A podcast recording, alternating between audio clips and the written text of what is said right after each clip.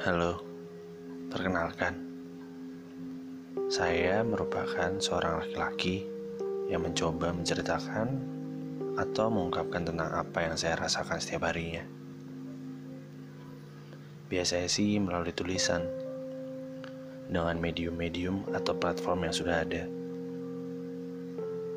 Tetapi, saya merasa hal tersebut kurang bisa menenangkan ukiran-ukiran rasa yang saya miliki. Mungkin dengan podcast ini, saya bisa sedikit menuangkan apa yang saya rasakan. Ya, memang agak terlambat. Mungkin sangat terlambat kali ya. Podcast ini saya buat buat menuangkan apa yang saya rasakan. Tapi sudahlah, terlalu banyak excuse. Oh iya, kembali lagi. Saya pria yang cukup sensitif dengan hal-hal yang terjadi pada kehidupan saya.